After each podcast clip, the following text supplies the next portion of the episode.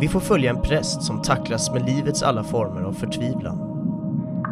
Tragedi, ensamhet, alkoholism, klimatångest och extremism. Filmen är skriven och regisserad av Paul Schrader. I rollerna ser vi bland andra Ethan Hawke, Amanda Seyfried, Cedric Kyles, Victoria Hill och Philip Ettinger. Filmen hade officiell biopremiär den 18 maj 2018. Den är en timme och 53 minuter lång och hade en budget på 3,5 miljoner dollar. På Oscarsgalan 2019 blir filmen nominerad för bästa originalmanus. Idag ska vi prata om First Reformed.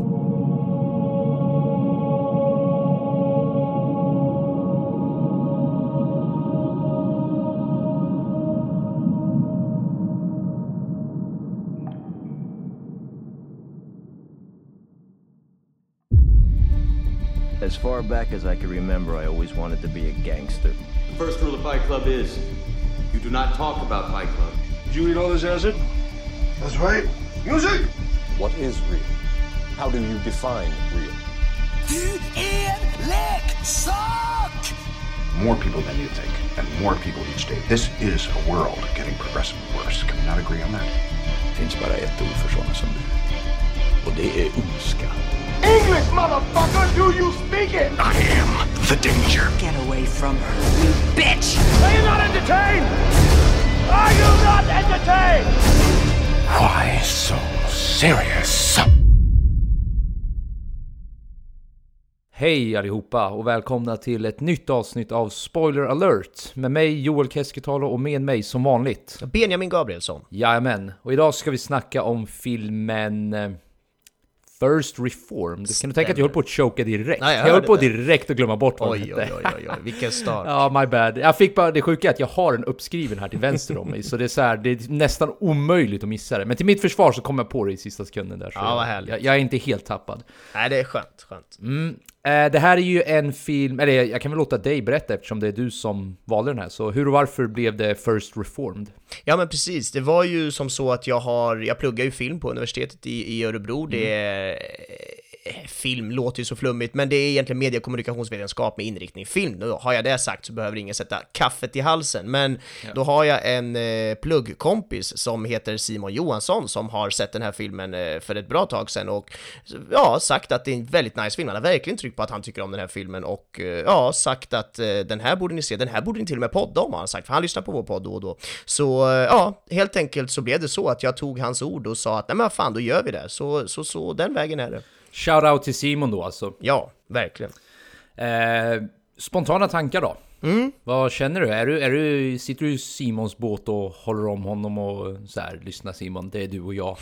Simon, lyssna, du vet att det är du och jag mot världen, inget annat spelar roll. Eller är du typ så här, Simon, jag slänger dig över bord. Nej men jag, jag håller varmt om eh, Simon, verkligen. Eh, jag tycker mycket Ja, om du kan göra det vare sig spontant gillar eller ogillar. Jag, jag låter dig vara vän med Simon. Ja, vad schysst. Tack. Jag har fler vänner, men det vet du kanske redan. Men, ja. Ah, Ah!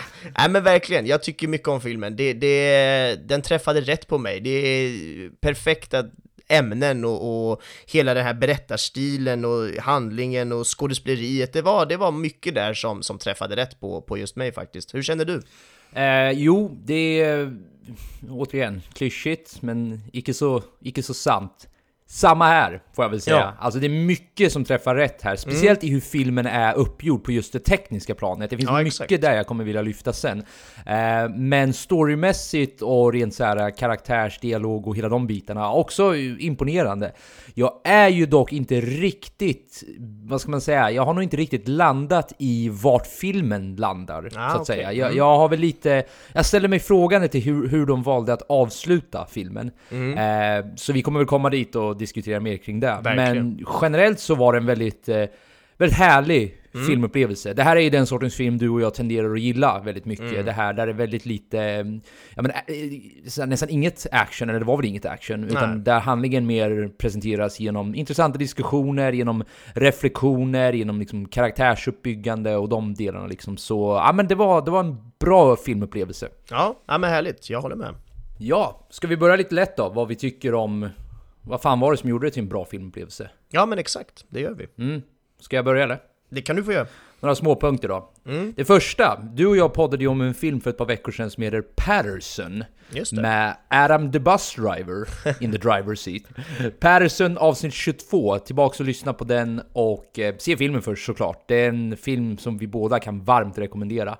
Eh, men hur det relaterar till den här filmen då? Jag tyckte jag fick stundtals känslor av den här vardaglighetskänslan som vi pratade väldigt mycket om under det avsnittet. Och med det menar jag den här känslan att det här Ja, det kanske är ett annat sätt att säga realism, ett ord som Ja. vi också har använt väldigt mycket. Men det, det kändes verkligen som att det här är vardagliga människor med, ja men faktiskt med vardagliga situationer och därmed också vardagliga problem.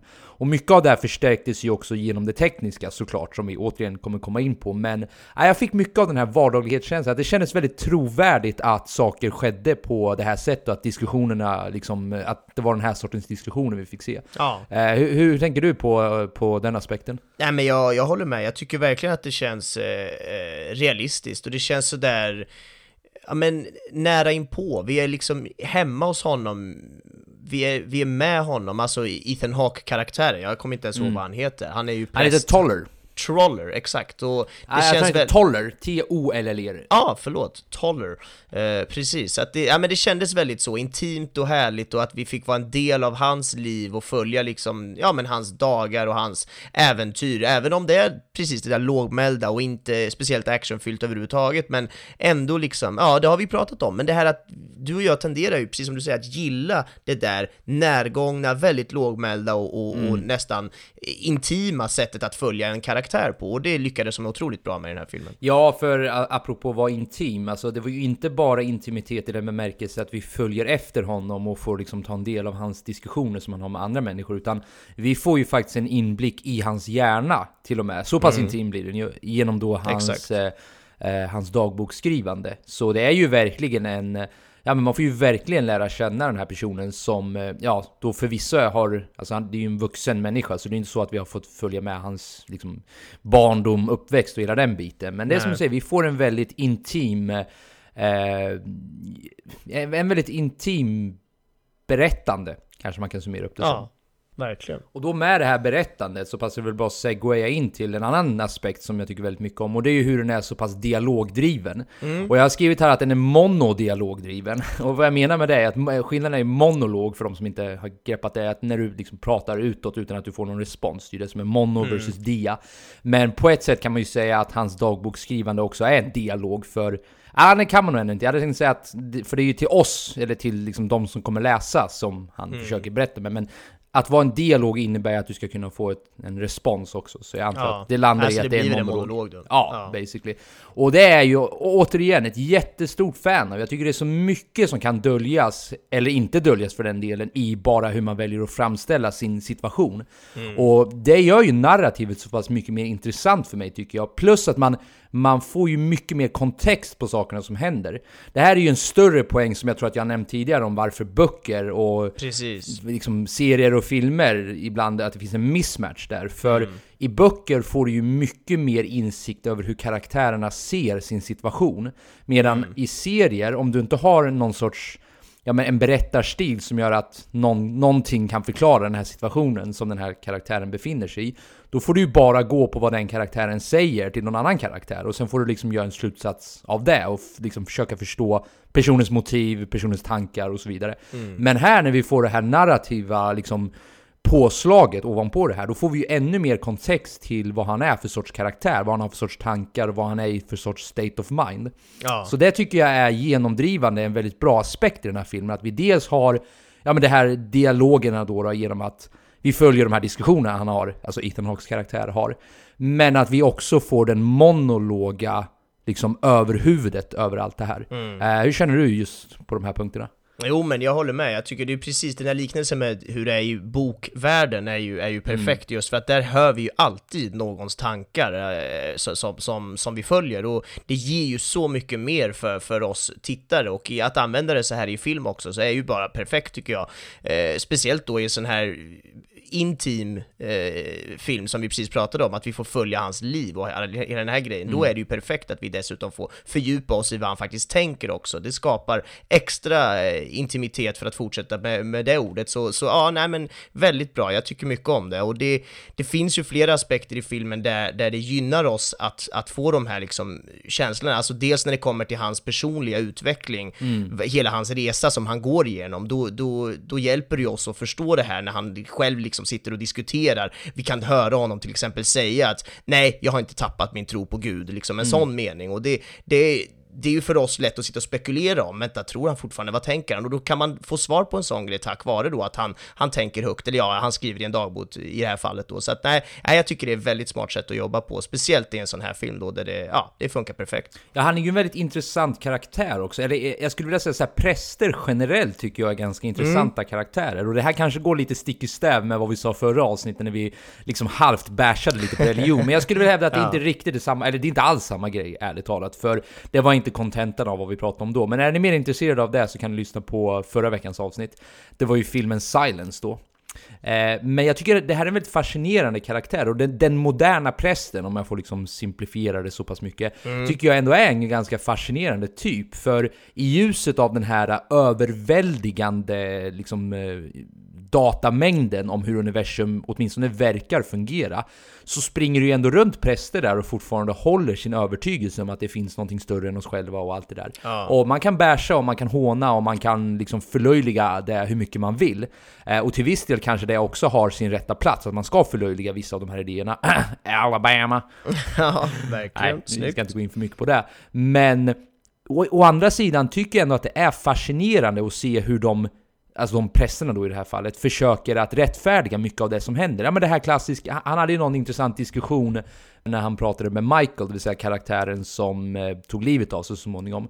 Att han har ändå en ganska djup filosofi bra bakom varför världen kanske ser ut som den gör. Du vet, Michael dyker ju upp här med men, den här klimatångesten som vi snart kommer gå in djupare på.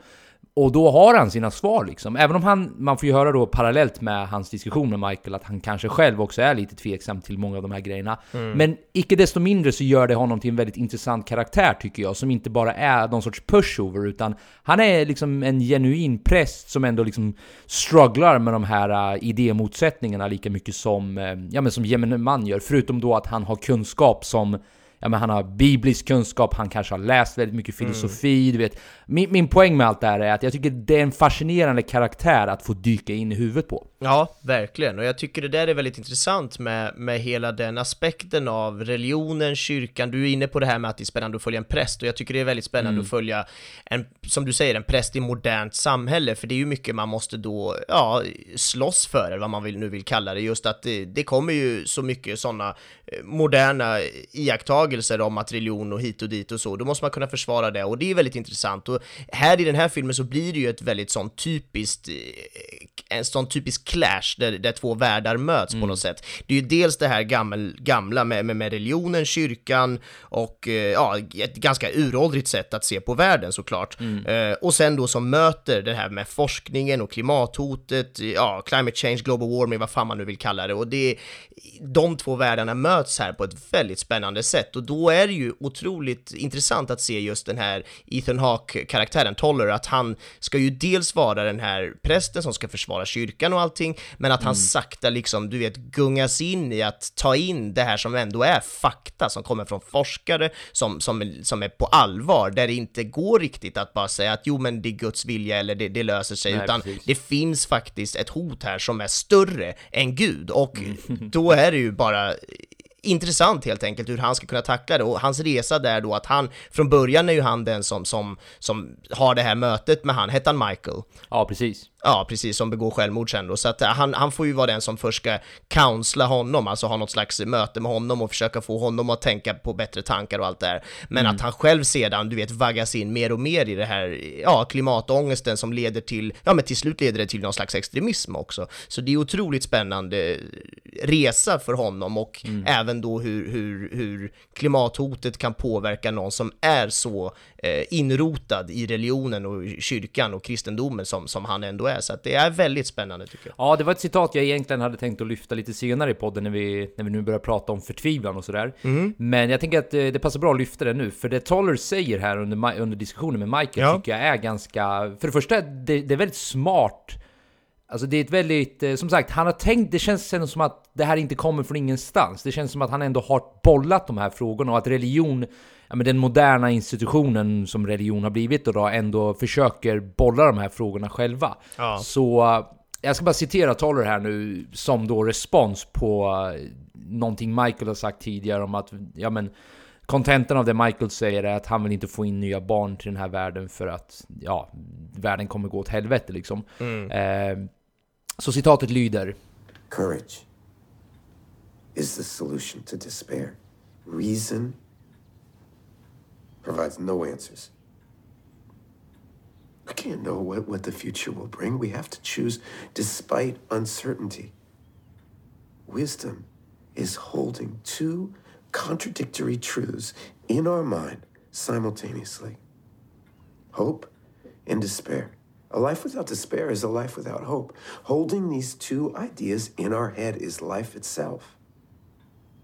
Och eh, jag tycker det citatet är väldigt bra och återigen förstärker den här poängen jag sa tidigare om att det ändå är en ganska intressant karaktär här.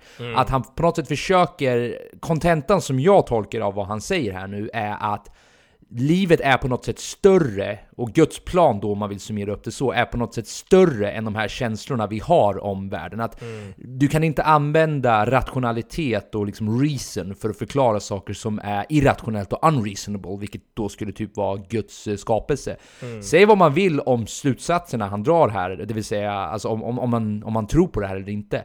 Men jag tycker det, det vittnar till att det finns ett djup bakom den här Toller-karaktären som gör honom till, ja som jag sa tidigare, intressant karaktär att följa helt enkelt. Verkligen, och det, det är det som jag tycker också att det, det, är, det är dels spännande att hans karaktär verkar vara sån i person, i, i, som, ja men han skiljer ju sig mot många av de här andra äldre prästerna han möter, eller vad de nu är, men du vet de här inom kyrkan som han har olika möten med ibland. Ja, och han tar ju upp klimathotet med dem, och de nästan, du vet, så här, vänder ryggen mot honom, skakar på huvudet och är så här, det där är svårt att ta in, det där kan vi inte riktigt prata om. De, de inser ju att det här bara blir problem för dem, och därför skiter de hellre i att prata om det. Medan han försöker ju att verkligen säga, men vad fan, ja, han känns ju ändå som en jävla god snubbe. Mm. Eh, och det gillar jag på något sätt, att det, det, det är så lätt för mig som är ateist och tänker att religion är bullshit, så det är så lätt för mig att tänka, tänka att ja men, ja, ja alla som, som tänker sådär på, på Gud och är präster, då, de måste ju vara smått galna, men här har vi ett exempel på att så är det ju inte, utan det finns ju folk som har, såklart, det här är ju en plattityd kanske, det är självklarhet att, att många är ju, är ju bra människor ändå såklart, men jag tycker det blev en härlig grej att få se då, att han verkligen har det där, han är dubbelbottnad på ett sätt som jag tycker var väldigt intressant. Ehm, och jag tycker också att det här, ja men det är väldigt spännande med hans sjukdom också, som ett extra lager på det här. Eh, för att vi får ju väldigt tidigt i filmen reda på att han har cancer. Eh, egentligen så är det redan fem minuter in i filmen, det är alltså på, på första den här lilla mässan eller vad det är det kallas, du vet när, han står och pratar, predik, predikar inför folk i kyrkan helt enkelt. Då eh, ska han ju, strax därefteråt så står han ju och ger såna här eh, små oblad eller vad det heter, man ger något liten sån de ska äta upp och sen dricka en klunk vin eller vad det är och ja, bla bla bla, du vet vad jag menar.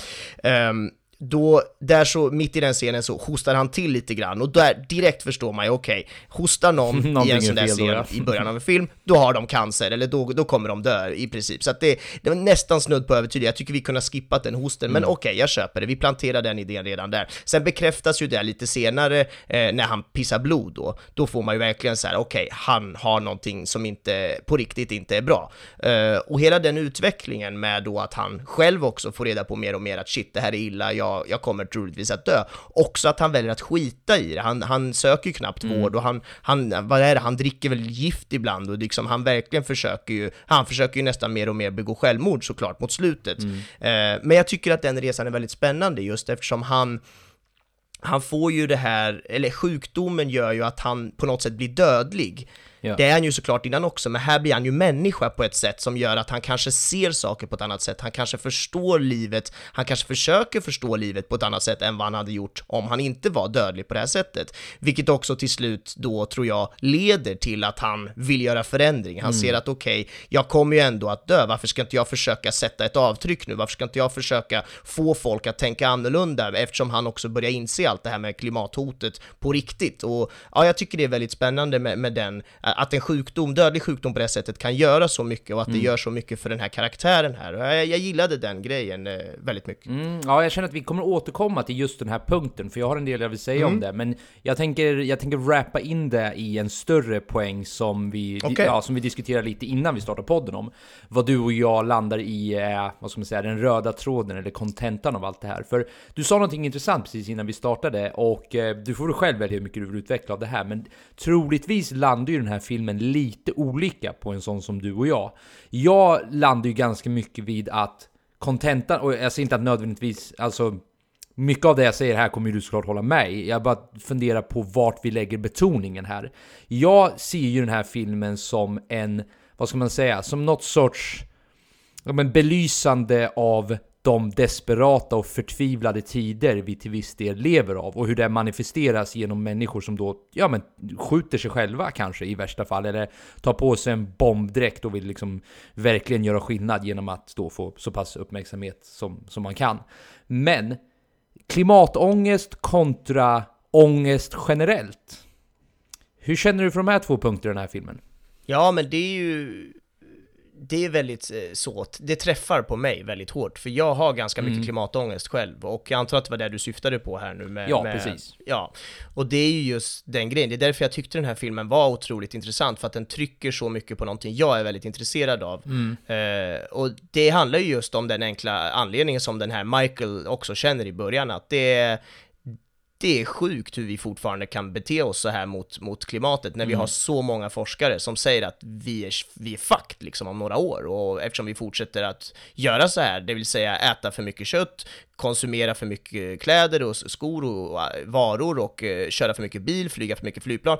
Alla de här grejerna vi konstant gör i våran vardag påverkar klimatet åt så jävla fel håll. Och det är väldigt få människor som faktiskt tar avstånd och slutar med det här. Och det får mig och tydligen Michael och många andra att må väldigt dåligt. Greta Thunberg är ju ett praktexempel på det som har slagit igenom nu på sistone, där hon verkligen kämpar för att hon orkar inte med, för hon är så pass ung, där hon känner att jag har ingen framtid. Vi, vi, vi har ingenting att leva för eftersom vi ändå håller på att fuckar upp allt det här nu. Och egentligen är det alla liksom vuxna, som hon uttrycker det, som har fuckat upp det för henne tidigare och de skiter i det för att de kommer ändå inte leva, utan det är ju barnen, de stackars barnen och barnen som de sen får, som sen kommer få leva med alla de här problemen som vi just nu håller på att skapa. Och det i sig skapar ju väldigt mycket ångest hos många människor och jag är en av dem. Så att jag, därför träffar ju det här väldigt hårt på mig och jag tycker att det är ett otroligt viktigt ämne som, som ska lyftas upp och prata om. Så att det, ja, den, den aspekten var dels stark, träffande, men också väldigt, väldigt skönt att det pratas om i en film på det här sättet. Det tyckte jag om. Ja, jag skulle vilja lyfta den här sista punkten du sa då, lite snabbt bara.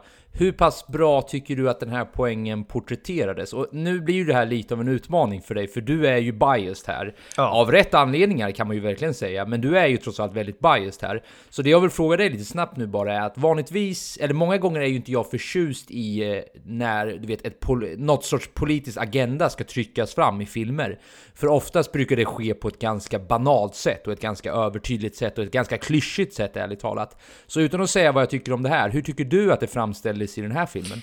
Ja, men jag tyckte det framställdes väldigt neutralt med tanke på det med tanke på det stora temat det ändå har, alltså den stora platsen det ändå har i filmen. För jag menar, det som du säger, man skulle kunna ha tryckt på det på ett sätt som gör att det nästan blir larvigt och att det blir tråkigt och att det känns som att filmen bara vill säga där. Ja, Här precis. känns det ju som att det är en ganska snygg bit av filmen som ändå inte är avgörande för filmen i sig, utan filmen har en egen struktur, en egen karaktär och ett eget mål som den vill komma fram till. Och klimataspekten, liksom klimatångesten som porträtteras här, är en liten bit av det, en liten del av det. Så jag tycker, eh, ja som du säger, jag är väldigt biased, men jag, jag tycker att de, de, gör det på ett snyggt och balanserat sätt, speciellt eftersom det mesta är i början och sen mynnar det ut in någonting annat. Sen kan jag ju också nästan vända på steken och känna att, ah, vad jobbigt att det ska behöva bli extremism av det hela, liksom så fort man ska bry sig om klimatet så är det någon jävel som ska mm. spränga alla och det ska bli en sån, att folk är galna som bryr sig så här mycket om klimatet. Och det finns någon liten del av mig som tycker att det är synd, men samtidigt, nej, det var inte riktigt det den här filmen handlar om. Jag tycker fortfarande att de gör ett bra jobb att porträttera det här på ett, på ett sätt som känns seriöst och viktigt och, äh, jag tyckte de gjorde det väldigt bra. Mm. Eh, jag tycker ju att det funkar av den anledningen att jag ser ju inte riktigt klimatångesten som den djupare poängen de försöker göra här nu. Nej, och det jag menar med det är ju fortfarande att det är klart att det är ett viktigt problem, obviously. Alltså allting du sa stämmer, allt det där och det är bra att de trycker på det. Det enda jag kan tycka var lite tråkigt, det var väl en karaktärs framställning. Det var ju han, jag tror han heter Balk, Balk Q, Balk. Vem var det? I filmen. Han, ja, det är han som är en ägare till det här energibolaget. De, de, man träffar honom första gången när de sitter i en kafeteria och han kommer dit och säger att lyssna den här mässan får inte vara politisk. Ja, och, mm. ja, den personen. Jag tyckte han var lite väl onyanserad om jag ska vara helt ärlig. Det kändes, okay. han, var så, han var så enkel att hata att det, för mig blev det lite så här, kom igen, det där var så här, ni ja, okej, okay, whatever. Men jag är PT här nu. Ja, Min större jag poäng jag vill göra... Ja men ofta du inte håller med om att han har Nej, the face of a bad guy, du gör inte det? Ja men, jo men absolut att han är bad guy, men koll, det är väl klart det finns sådana varje dag, speciellt inom kyrkan där det här är deras största hot, speciellt han då som är någon slags här, han äger något, något företag som är dåligt för klimatet, bla bla bla. Mm. Det, jag, jag, tycker att det känns självklart att han kommer att bete sig sådär. Det där ser man ju varje dag i olika debatter. Jag träffar ju folk på stan som fucking förnekar klimatet när jag står och mm. pratar om det, eh, i en random diskussion bara. Så att, att han skulle vara en bad guy, ja det är han, men jag tycker ändå inte att det är överdrivet så att det känns overkligt, utan det där finns ju varje dag på olika ställen Absolut, och företag. Absolut, jag, jag, hade hellre jag inte, jag hade hellre inte ens velat se honom i allt det här, utan jag hade hellre velat att den här stora upptäckten med att, du vet, det, det är energibolaget som faktiskt finansieras av vår kyrka och du vet det, ja. att det snarare skulle vara kontentan över hur illa allt det här är. För mig blir det ganska enkelt nu att bara peka. Ja, titta hur fucked up det är för det är såna här personer som finns här och som förespråkar mm. den här förstöringen av planeten. Jag tyckte du menar att hans ansikte utåt inte hade behövts riktigt, utan det hade varit Nej. kanske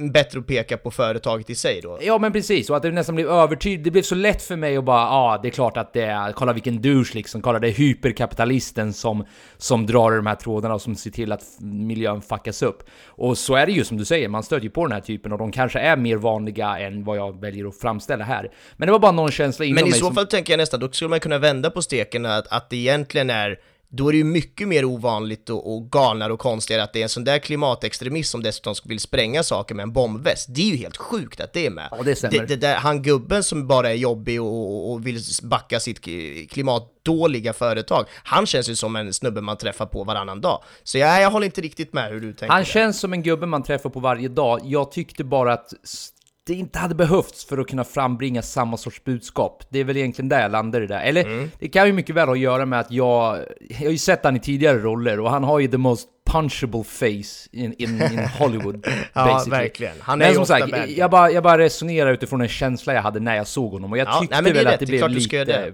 Ja, men, men I see your point, absolut.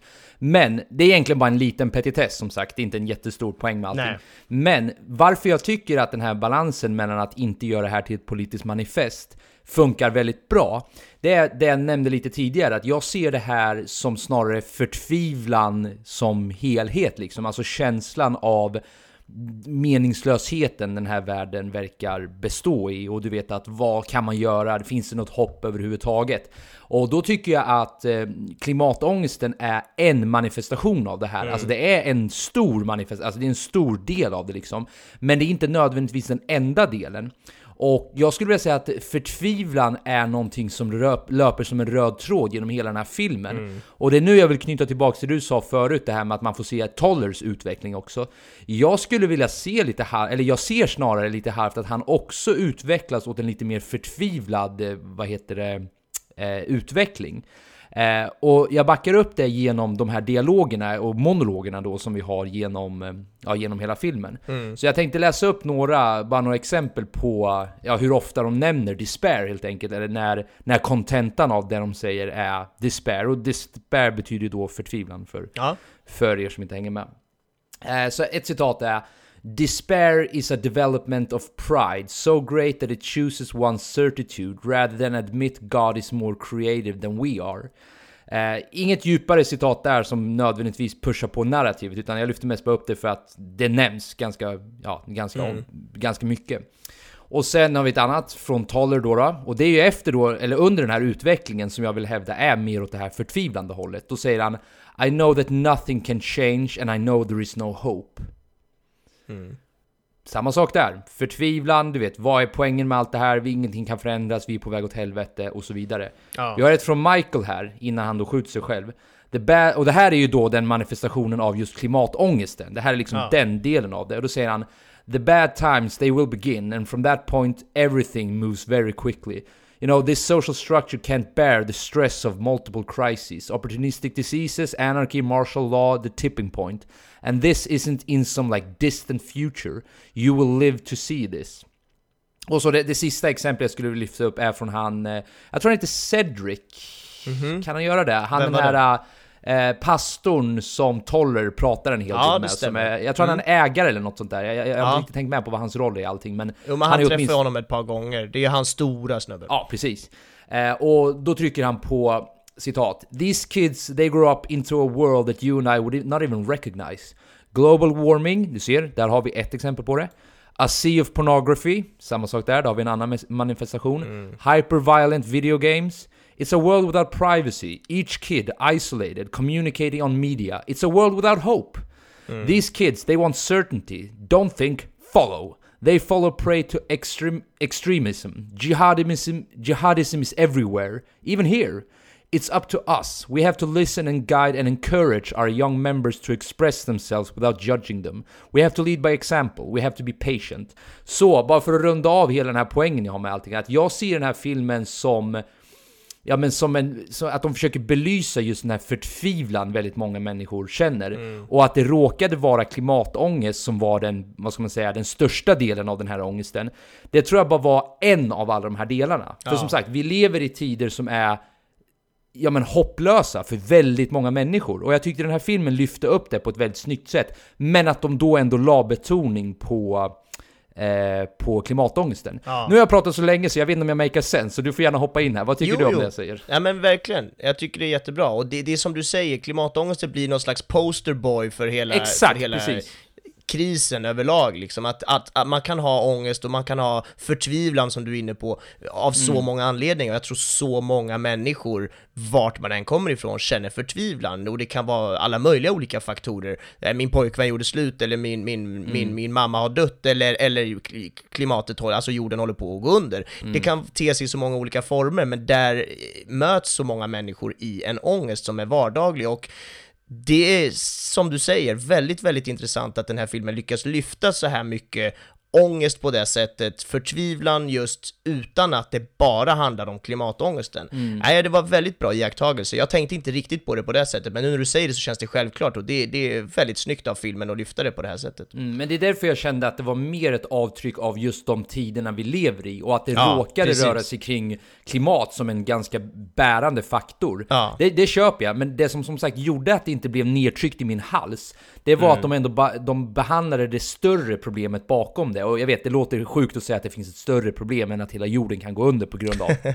Men du förstår vad jag menar, det här psykologiska upplevelsen av hopplöshet. Mm, eh, vilket gjorde då att jag landade vid att, för jag skakar ju direkt på huvudet varje gång politik blandas in i filmer som egentligen inte behöver vara politiska, vanligtvis. Men som sagt, i och med att de bollade med de här koncepten på ett väldigt, och nu går jag tillbaka till det ordet, på ett väldigt realistiskt sätt, Ja, ja. så tyckte jag ändå att det funkar. Ja men verkligen, och just det här med att förtvivlan kan te sig i så många olika människors liv. Här har vi det praktexemplet att det mest självklara är ju klimatångest, för det är så tydligt att så många kan relatera till det och, och känna ångest. Men då har vi på andra sidan myntet då religionen, eller i det här fallet kristendomen, där man tänker att de här prästerna är så trygga i sig själva och de har Gud att förlita sig på. Och de, de har liksom inte alls den här klimatångesten kanske, men de kan ändå känna förtvivlan av så många andra, an, andra anledningar. Och det, det visar de upp här på ett väldigt, som du säger, nyanserat sätt. Ja, om det är någonting, eh, vad heter det, jag har varit fascinerad över på sistone, och jag, jag, jag tror att jag nästan på, på ett omedvetet plan letar efter det här i filmer, det är just den här, den här punkten, det här med att ja men vad, vad gör vi med frukterna av så här, upplysningsperioden, industrialisering, rationalisering, du vet. När frukterna av allt det här till slut uppenbarar sig, vad har vi kvar? Jo, vi har en värld som, och nu är det här såklart en överförenkling från min sida, men vi har en värld där vi liksom förstör många delar av ekosystemet, vi eh, rationaliserar bort mystiska upplevelser och säger att titta på hjärnforskning, du vet vetenskapet är svaret och hela den biten. Och även om allt det här har gett oss väldigt mycket bra saker så det lämnar något bakom sig som kanske en institution som religion kunde ha bidragit med på ett annat sätt. Just den här känslan av meningsfullhet, att det finns någonting större, att våra liv här på jorden mynnar ut i någonting, att vi inte bara är liksom i en kaotisk universum där atomer krockar in i varandra och det finns ingen poäng med någonting. Det är, just det här temat har jag fascinerats av de senare åren, för till viss del känner man ju det här själv. Alltså jag tänker att det här manifesteras ju inom en själv genom att man vet inte vad man vill göra med sitt liv. Alltså det är ju en sån här enkel grej där, du vet, tidigare fanns det tydligare vägriktning att For better or worse, om du var en bondson liksom, då var dina alternativ ganska begränsade. Medan idag förväntas du att skapa ett eget liv bland alla de här valmöjligheterna du får och du vet, hela ditt självförverkligande projekt där i ditt huvud du måste leva upp till någon sorts standard du ser på Instagram och det är så här, det är så mycket just nu, så mycket tid och man ser ju också självmordsstatistik bland unga, speciellt unga män tydligen, eh, liksom skjuter i höjden. Så återigen, det, det är fascinerande men också väldigt mörka tider vi lever i. Och nu vet jag inte hur mycket jag har snöat iväg från filmen här, men återigen ett väldigt intressant tema som de också lyfter i den här filmen. Ja men verkligen, så är det ju. Och eh, ska vi gå lite mot det här med slutet på filmen som vi var inne och snuddade på? Mm, vad, vad var det du tänkte med den? För du var Ja, lite alltså, tveksam jag, till den va? Ja, jag vet väl ärligt talat inte riktigt vad jag tycker om det. För det första så kände jag ju, alltså jag trodde ju först att filmen buggade för mig. För det, det var ju ett jävla udda slut. Den, bara- slutade mitt i, alltså Ja. bokstavligt talat mitt i. Mitt i liksom scenen när de höll på, när eh, Toller och Mary tror jag hon heter, Ja. eh, höll på att hångla med varandra och mitt när orkest eller musiken spelade i bakgrunden så bara! Ja. Och jag har aldrig varit med om det förut, förutom att när det då har varit en bugg, så jag var tvungen att spåra tillbaka ett par gånger bara jaha, det här är väl filmen då antar jag. så jag lämnades ju med en liten sån här känsla av att, ja men lite anti, antiklimax, Ja, ja. ärligt talat. Ja, det var så mycket som kunde ha hänt, men som inte hände. Och jag, som sagt, du hör min förvirring. Ja. Jag vet liksom inte riktigt, jag är typ kvar i det statet jag var då. Jag vet inte vart jag landade i allt. Jag har min tolkning över vad som hände, men innan jag, innan jag berättar den, vad tycker du? Ja, men jag kan berätta min tolkning också, sen så har jag Absolut. en annan grej, men vi börjar med min tolkning. Och jag, jag kände som du, eller jag kände inte som du att jag kände mig snuvad eller lurad sådär, antiklimaxkänsla, utan jag tyckte snarare att det var lite härligt och att jag gillade att det slutade sådär abrupt. Och jag tolkade det som att, du vet, han drog det där glaset med typ motorolja eller vad fan det var, och sen när hon kom in där så, så hånglade de, och sen så när filmen slutade sådär abrupt, det var väl typ då han kollapsade och dog, tänkte jag. Eh, så det var min tolkning på, på hela den slutscenen. Eh, jag höra din tolkning? Ja, min to- tolkning var väl att han dog innan hon dök upp. Av den anledningen att, hur fan kom hon dit? För vi såg ju till exempel hur, eh, vad hette han nu igen?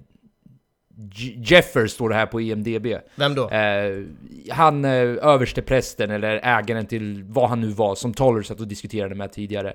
Är det Cedric du tänker på? Ja, precis. Mm. Eh, exakt, Cedric. För han verkar ju känna till de där byggnaderna, men ändå hade inte han någon möjlighet att komma in till henne. Nej, Eller till honom precis. menar jag. Så då undrade jag, hur fan kom hon in? Så min tolkning på det var att han häller ju upp den där innan, äh, den där, ja vad det nu är för någonting. Det är väl någon sorts renings...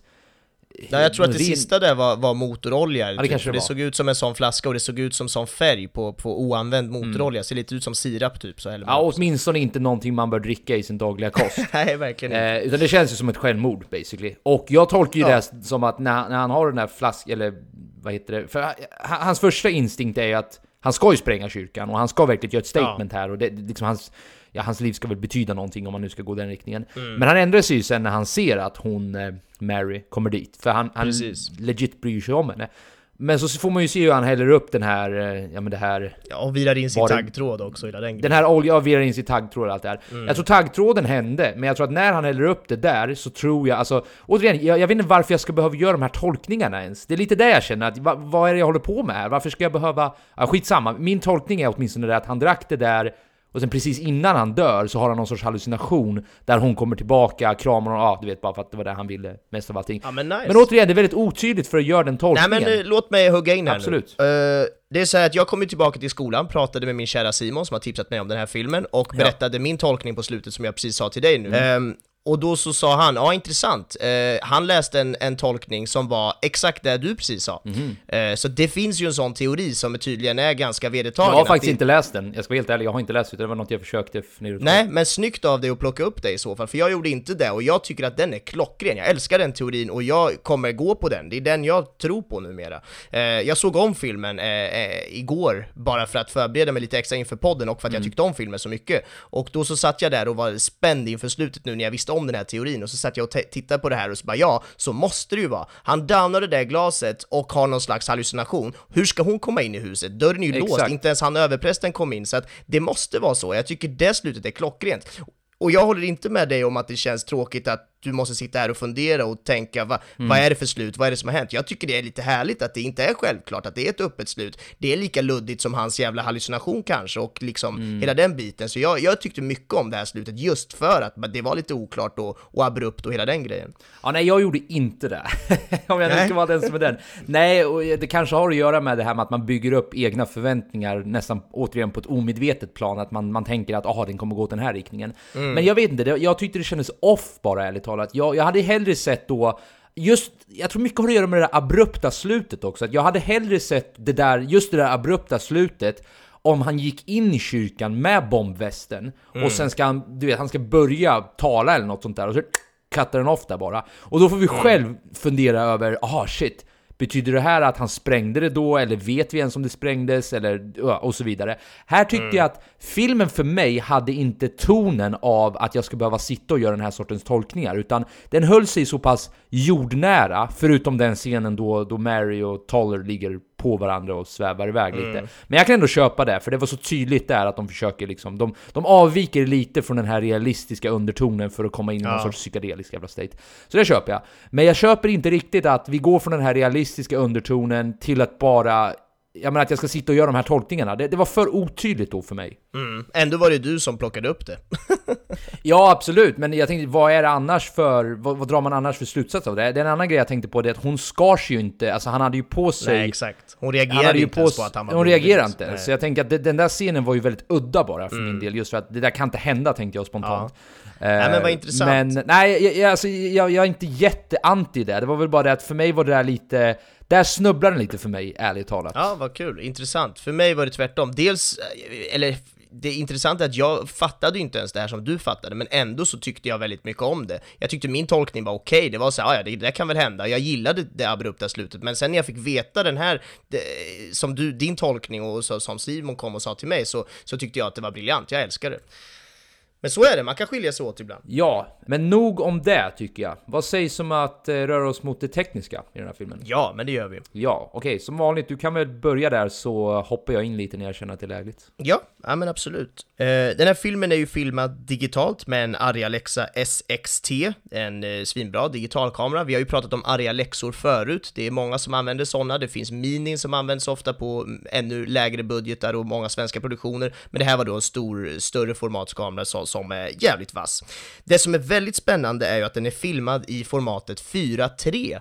Det är liksom inte det klassiska widescreen, eh, det vill säga att nu hade vi ju två svarta remsor på sidorna och, bilden blir ju nästan kvadratisk på ett sätt. Eh, det är ju väldigt ovanligt nu för tiden att filma på det sättet. Det här formatet fanns ju innan widescreen kom. Vi som är lite äldre, vi minns ju att innan widescreen kom, när man hade en mer fyrkantig TV hemma, så sändes allt i det här formatet, både på TV och på film och allting. Och sen så började filmvärlden börja jobba med widescreen, sen kom widescreen in på i TV-världen också, det vill säga vanliga TV-program, och nu är widescreen standard, det använder alla. 16.9 heter eh, det formatet, alltså standard widescreen-format, men det är alltså 4.3 som är så här kvadratiskt. Och det är väldigt spännande att jobba på det sättet. Eh, dels för att det är ovanligt bara, så det är en kul grej så, men det är också för att det ger så mycket känsla i bilden. Det blir det här lite klaustrofobiska och stela som passar väldigt bra i den här filmen och dessutom så, så jobbar de ju väldigt så stelt med själva fotografiet också.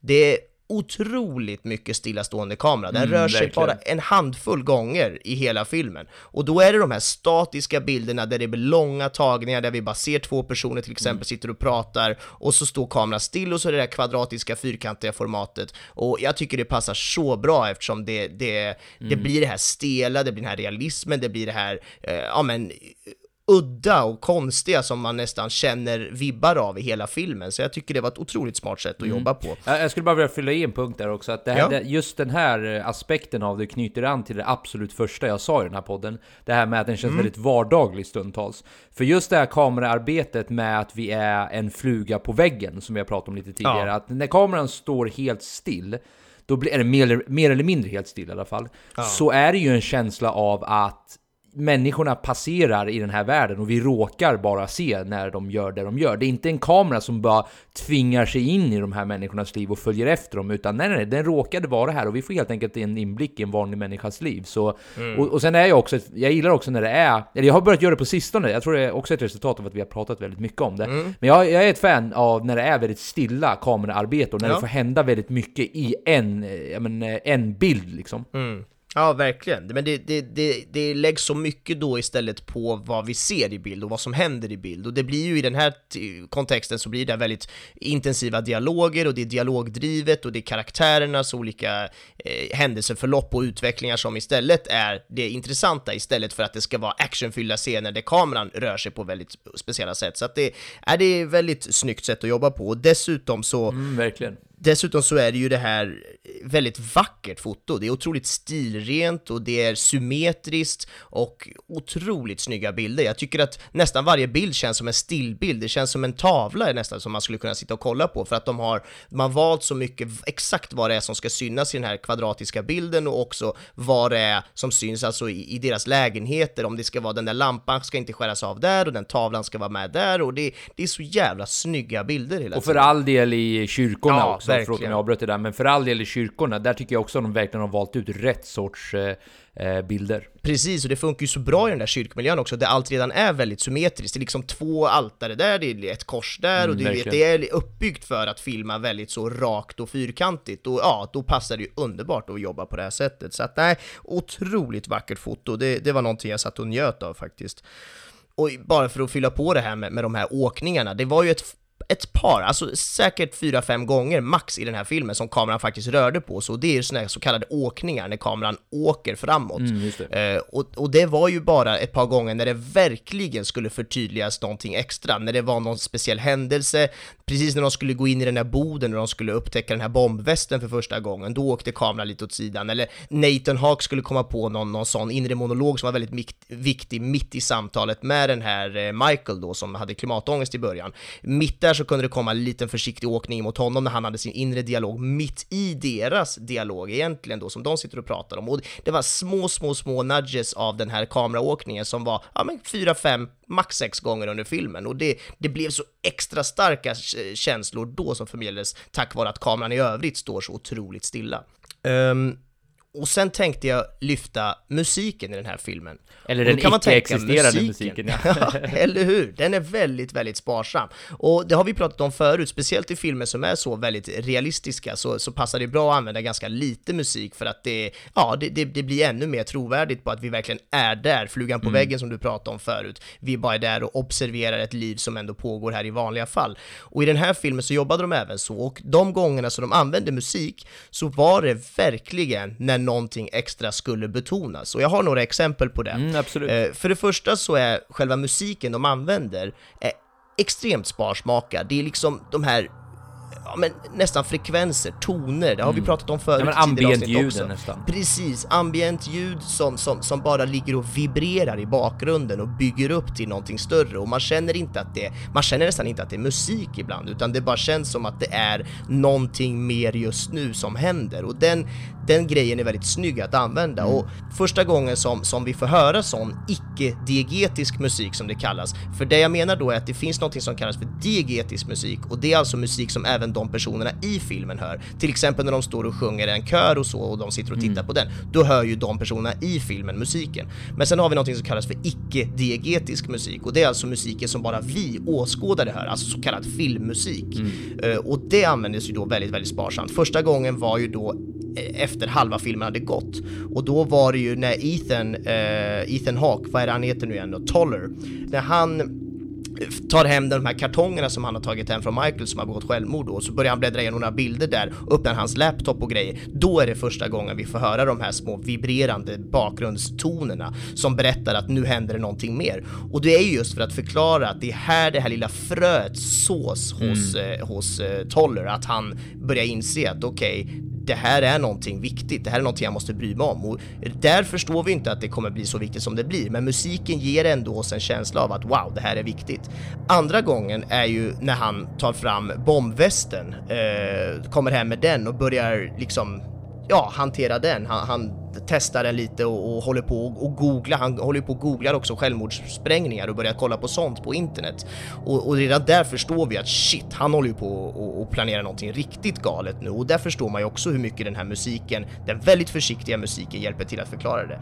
Tredje gången då är ju under den här levitationen som de gör när de ligger på varandra och, och på golvet. Och då är det ju för första gången som musiken blir lite väl tydlig liksom. Den blir något annat än vad den har varit tidigare. Och det är väl just för att de är i något slags, ja, hallucination liknande, de, de, de är i något, något annat. De, vad var det du sa förut? Du sa på ett väldigt Nej bra men jag tror jag bara sa att det är en annan sorts, eh, jag tror jag sa psykedelisk tillstånd ärligt talat. Ja, psykedeliskt tillstånd, men precis, de är ju någon slags så här, de svävar iväg helt enkelt och då är musiken ännu kraftigare än vad det varit tidigare just för att markera deras där levi, leviterande tillstånd på något sätt och det var ju härligt. Fjärde gången då så är det en uppbyggnad där vi känner att nu börjar det hända grejer, det är mot slutet och femte gången då, då är det verkligen i slutscenerna när han håller på att ta på sig bombvästen och sen får panik när han ser henne genom fönstret och, och hela den grejen. Och då är det ju även sån här orgelmusik då som man hör. Och där går det över till den så kallade diegetiska musiken, alltså orgelmusiken som även de personerna i filmen hör. Så att det är liksom fem gånger vi hör sån här försiktig, försiktig musik i den här filmen. Och det var så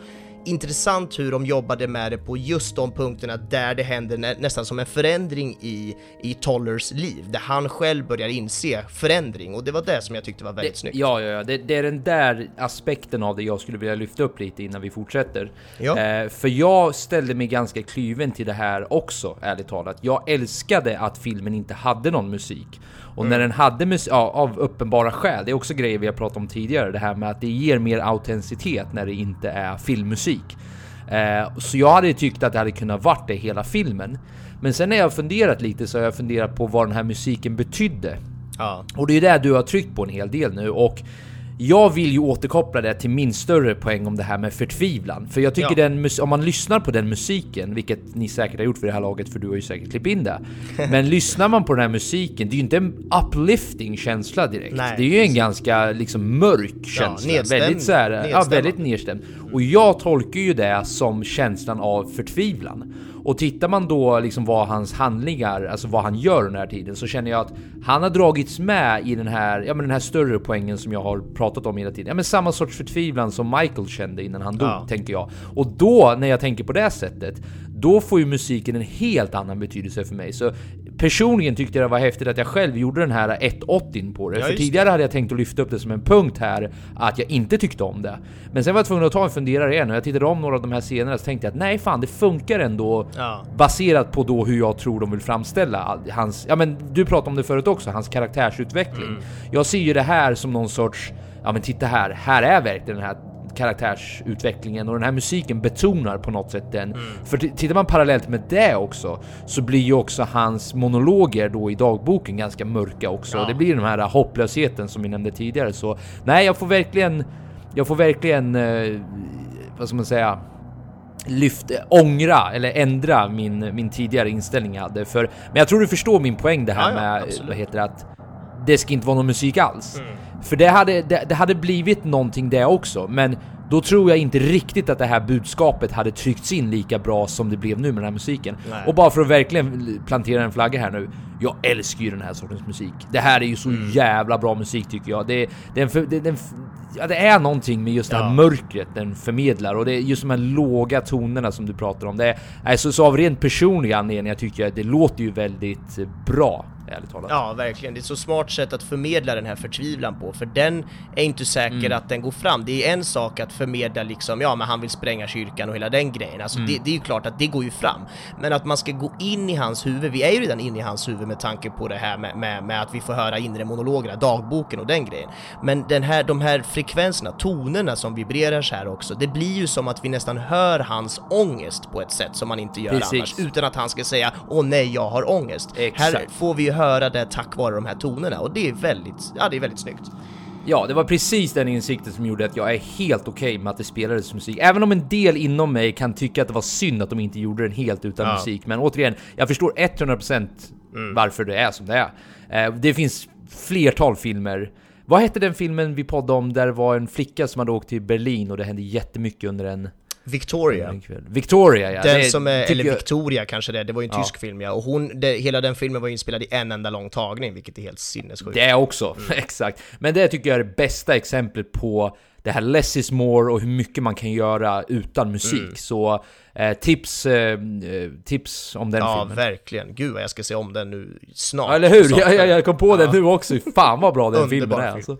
Ja. Ja men härligt, jag är ganska nöjd där på det tekniska. Jag har inte valt att snöa in så mycket på andra för jag hade så långa utläggningar om de här två punkterna, foto och musik istället. Så jag, så jag väljer att vara nöjd där. Det är ju såklart skådespeleriet vi kan gå in på. ja, alltså lite samma här. Det är ju Ethan Hawke. Han, eh, han är ju såklart Ja. den bärande rollen här. Amanda, Amanda Seyfried, säger man så? Seyfried. Ja, Seyfried tror jag. Eh, också skitbra. Jag, jag har inte sett henne i så jättemånga roller tidigare, men jag vet att jag har sett henne, så hon är inte helt Ja, främmande. eller hur? Jag håller med. Men, eh, nej, jag, jag tycker Ethan Hawke, jag, jag skrev ju till dig innan den här podden om en kommentar jag hade läst där. Ethan Hawke is the most underrated actor of this century. Och en del i mig håller fan i mig med, för varenda gång jag ser honom så slås jag av hur bra han är. Men det är ändå aldrig någon jag tänker på. Det är ingen jag skulle söka på IMDB och bara ah, en Ethan Hawke-film som jag gjorde med Liam Neeson och Robert Downey. Det kanske jag borde göra Nej, då, för då precis. kanske jag träffar rätt. Ja men han kanske dyker upp mer och mer då, vi får väl se. Han Ja. är ju såklart ingen newbie som, som folk har som missat, Adam han Driver, finns ju där. Nej precis, han är inte så så att man bara wow, vad är det här för ny kille? Men det är som du säger, han är underrated och man pratar liksom inte om honom. Han är, Mm. inte, så, han är inte så showig, han är inte så sexig och då menar jag inte hans utseende utan hans karaktär så Mm. i, i filmer och liknande så är han inte så... så Ja, ja, så men, framträdande typ kanske man kan Nej säga. precis, det är väl det. Han är inte så himla showbiz som många andra och därför pratas det, buzzas det inte lika mycket om honom om vi ska fortsätta Mm. med de termerna. Så nej men det är helt rätt, jag tycker han är fantastisk och hon är också riktigt bra eh, i den här filmen. Det är väl de två egentligen som, som är riktigt så bärande, framförallt han såklart. Mm. Ja, jag skulle vilja lyfta upp en, en eh, Mm. eh, skådespelarinsats också som jag var väldigt nöjd med. Och det är ju han, eh, My, eh, vad heter han? Eh, Philip Ettinger heter han, han som spelade Michael. Ja, i och början, nu som vet jag att han inte var med jättemycket såklart, för han tog, ju, han tog livet av sig i den första, ja vad kan det vara, första 30 minuterna? Något sånt där. Ja, något sånt. Mm. Kanske ännu tidigare. Men jag tycker den här sista diskussionen han hade med Ethan Hawke, Mm. jag tycker Sätter man den i kontext över vad som hände sen, Ja. alltså det vill säga att se om den scenen efter vad som hände, så tycker jag att hans acting blev briljant. För det var på ett sätt, eller jag fick i alla fall känslan då när jag såg om den scenen, att han tar han tar visserligen in det här som prästen säger, det vill säga Toller säger, men det känns på något sätt som att han redan har bestämt sig. Jag vet inte, det var någonting med hans ansiktsuttryck och hans uppgivenhet och hans kroppsspråk, allting förmedlade av att det spelar liksom ingen roll, alltså jag tar in det du säger, jag respekterar dig som person och som präst och allt det här och jag bollar igenom de här frågorna. Men det kändes som att han var så pass djupt nere att han redan hade bestämt sig. Och när man sen då får se scenen efter så blir det ju extra starkt då att den här diskussionen betydde egentligen ingenting. Alltså den betydde någonting såklart, men det ledde inte till det resultatet då Toller ville ha. Så jag ville bara lyfta upp den scenen som en sorts, du vet, hyllning till Philip Ettinger. Eh, och om ni, eh, jag, jag hoppas ni hänger med på vilken scen jag menar, det är alltså den absolut sista scenen vi får se eh, Michael vid liv, när han sitter i deras hem och pratar om att han inte vill ha barn och allt det där. Verkligen. You know, a, a child that's so full of hope and naive beliefs into a world where that little girl, uh, she grows up to be a young woman and she looks you in the eyes and she says that you knew this all along, didn't you? You see that? I mean, what what are you supposed to say then? Eh, Okej, men ska vi röra oss mot... Eh, ska vi summera upp den här filmen innan vi går till lite roliga fakta eller? Ja, tycker jag. Eh, ja, jag tycker ju... Stark film, ganska mörk film, men ganska, vad ska man säga, starka budskap också som jag tycker presenteras på... Jag vet inte om balans är rätt ord här riktigt, men det känns ändå på något sätt eh, trovärdigt, kanske jag landar i. Ja. Sen tycker jag som sagt, där skiljer vi oss. Jag är ju inte riktigt nöjd med slutet. Jag vet, jag har inget recept på hur man hade kunnat gjort det bättre. Men det var någonting som inte riktigt klickade för mig där, så där landar jag. Ja, ja men kul. För mig är det en, en klockren film. Den träffar rakt in i, i mitt hjärta och själ om vi ska vara sådana. Men det är, det är såklart klimataspekten, klimathotet, klimatångest, hela den biten. Och sen så slänger vi in ett litet fuck you-finger till religionen också som jag gillar att göra. Så att där, då är det ju perfekt liksom. Då, då njuter jag. Det här, det här är bra film. Dessutom då tekniskt jävla Åh, vad snygg den är! Så att, eh, nej, fantastisk verkligen. film Det, det, det har du rätt i. Och jag älskar slutet, haha Joel! Fuck you, Benjamin. Okej, har du lite roliga fakta innan vi stänger Ja av men den här det är skiten? favoritscen hörde du. Favoritscen! Jag ber om ursäkt. Ja. Jag säger det, det spelar det ingen roll fara. att jag skriver upp de här punkterna, jag glömmer ändå bort det. ja men börjar du, vad är din favoritscen? Hade du någon? Ja men det blir den där sista då, ironiskt nog. Bara för att du inte tyckte om den alls. Nej men jag, jag, jag, jag tyckte ju att det var en spännande scen med tanke på, ja men dels det här taggtråd och liksom dricka olja och hela den biten, men också att, att den slutade sådär abrupt, att de bara såhär pang och sen så är det tyst i några sekunder och sen eftertext. Jag tyckte det var häftigt, det var starkt och jag gillade det. Sen då växte det ju på mig enormt när jag inser att det liksom var att han, att hon aldrig ens var där, att det var någon slags dröm så, och då, äh, då tyckte jag mycket, mycket om den scenen. Men det fanns många andra härliga att välja. Vad har du valt? Det, så är det ju. Det, är alltid, det finns alltid jättemånga bra att välja. Ja. Det här är ju en nästan omöjlig uppgift. Men ska jag välja en så tycker jag scenen när eh, eh, Ethan Hawks karaktär hittar Michaels lik i skogen. Ja. Och då menar jag hela den scenen från att han går, han, han går ur sin bil, han går liksom in genom skogen och så Ja, han ser ju redan på håll att han ligger där och ja, det där var också sån där, det var ingen musik för att förstärka det. Det var inget så här känn som vi tycker att du ska känna utan allt Nej, vi hade exakt. Mm. att gå på där var Michaels, eh, nej jag menar... Eh, Tollers. Tollers eh, ansiktsuttryck och hans, om jag får slänga hit det ordet igen, hans förtvivlan. Ja. Och hans, ja men det kändes som en väldigt genuin reaktion från hans sida där och jag är glad att det inte var musik där som försökte förstärka det, Nej, utan där exakt. hade vi helt och hållet Ethan Hawke att gå på. Så, Praktexempel på när musik hade blivit bara onödigt övertydligt. Det räckte sådär liksom. det tror jag också. Så nej, men den, den scenen stack ut lite extra för mig. Men som du säger, det finns jättemycket man kan välja bland. Ja. Nej men vad härligt. Nu kan vi gå till roliga fakta. Ja, Du var så ivrig på dem, sugen. ja men eh, exakt. Vi måste, det har varit så mycket förtvivlan här så vi måste liva upp det lite känner jag. Ska vi se om kommer det väl säkert bli någon jävla Philip Seymour Hoffman I fucking had my first drink och nu är jag död eller någon sån skit. Supermörkt. Ska du förklara vad det är lite snabbt bara? Ja, det var en rolig en sån här trivia vi hade när vi poddade om filmen eh, The Master avsnitt... Eh, nu ska vi se här, avsnitt 24, så gå tillbaka och lyssna på den. Och i, i de här trivia, står roliga fakta som de har på IMDB, så fick vi ju reda på att det var tydligen Philip Seymour Hoffmans första drink på väldigt många Ja, år. Och sen många, många. eh, ja, spekulerade du och jag lite kort om att Tänk om det var där hans relapse började, för som tra- Kanske. tragiskt nog så tog ju han, han överdoserade ju eh, några år senare, Ja. så det är det jag syftar på. Precis. Ja, det var mörkt, men eh, här ska vi försöka att göra det lite roligare. Ja, lite, lite uplifting nu. Ja, exakt. Ehm, Amanda Seyfried, som vi pratade om, som är gravid i filmen, hon var gravid eh, under inspelningen, alltså på riktigt, så det är real pregnancy. Ooh. Eh, den här filmen var inspelad på 20 dagar med en budget på 3,5 miljoner dollar.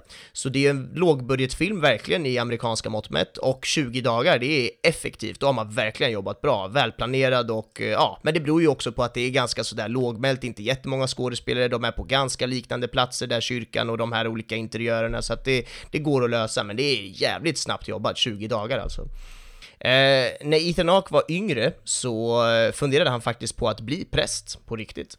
Jaha, så, ja, det var Ja, men på något sätt så klär han i rollen, ärligt talat. Han Ja. ser ut att kunna vara en präst faktiskt. Han ser väldigt prästkompatibel ut, det gör han verkligen den här filmen som jag nämnde är filmad i det här 4-3-formatet, det lite kvadratiska eh, utsnittet helt enkelt. Och det var ju Paul Schrader då, alltså regissören och manusförfattaren till den här filmen, som var inspirerad av en, eh, en annan film som heter Ida från 2013, som också var filmad i det här eh, formatet. Och den, eh, där var huvudrollen en nunna i den filmen, så att det var ju flera små, små likheter då till den filmen, inspiration såklart. Men det, ja, men det var härligt och han, han gillade just det här med att det blev ja, men klaustrofobiskt och att det gick att göra de här olika inramningarna. Det, det passade bra att ha personer i bild. Det blir liksom väldigt snyggt så med, med en person som sitter i mitten av en sån ganska kvadratisk bild. Så att det, ja, det var så han tänkte helt enkelt. Mm, snyggt.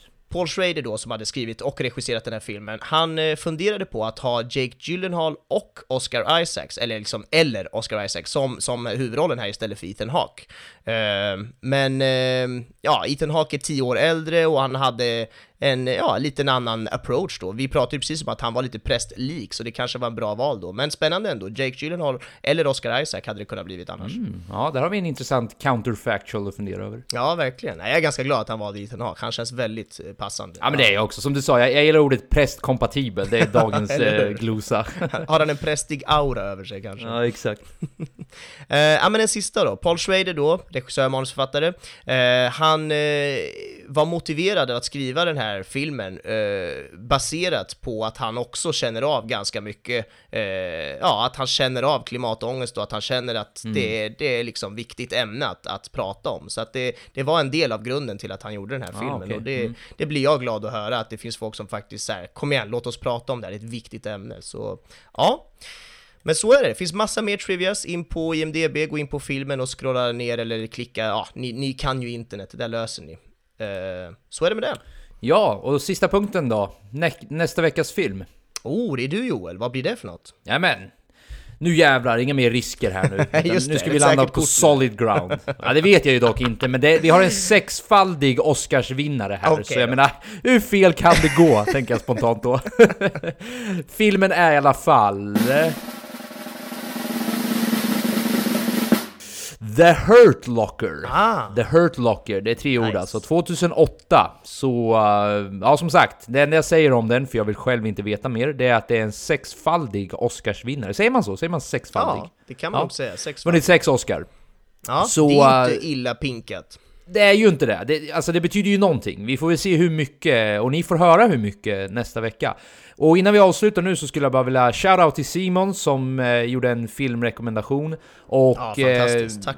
ni får gärna, har ni någon film ni gärna vill att vi ska täcka så absolut, skicka det till oss så får vi se vad vi kan göra. Vi kan ju inte garantera kanske att vi väljer den, men eh, alltså skicka så får vi se. Ja, varför inte? Det är ju alltid kul med tips. Jag har ju ibland svårt att komma på filmer jag vill podda om, så då är det ju bara underlättar Ja, uppenbarligen jag också eftersom jag har trampat i minan två gånger i rad nu. Nej men så, så hård mot mig själv ska jag inte vara men...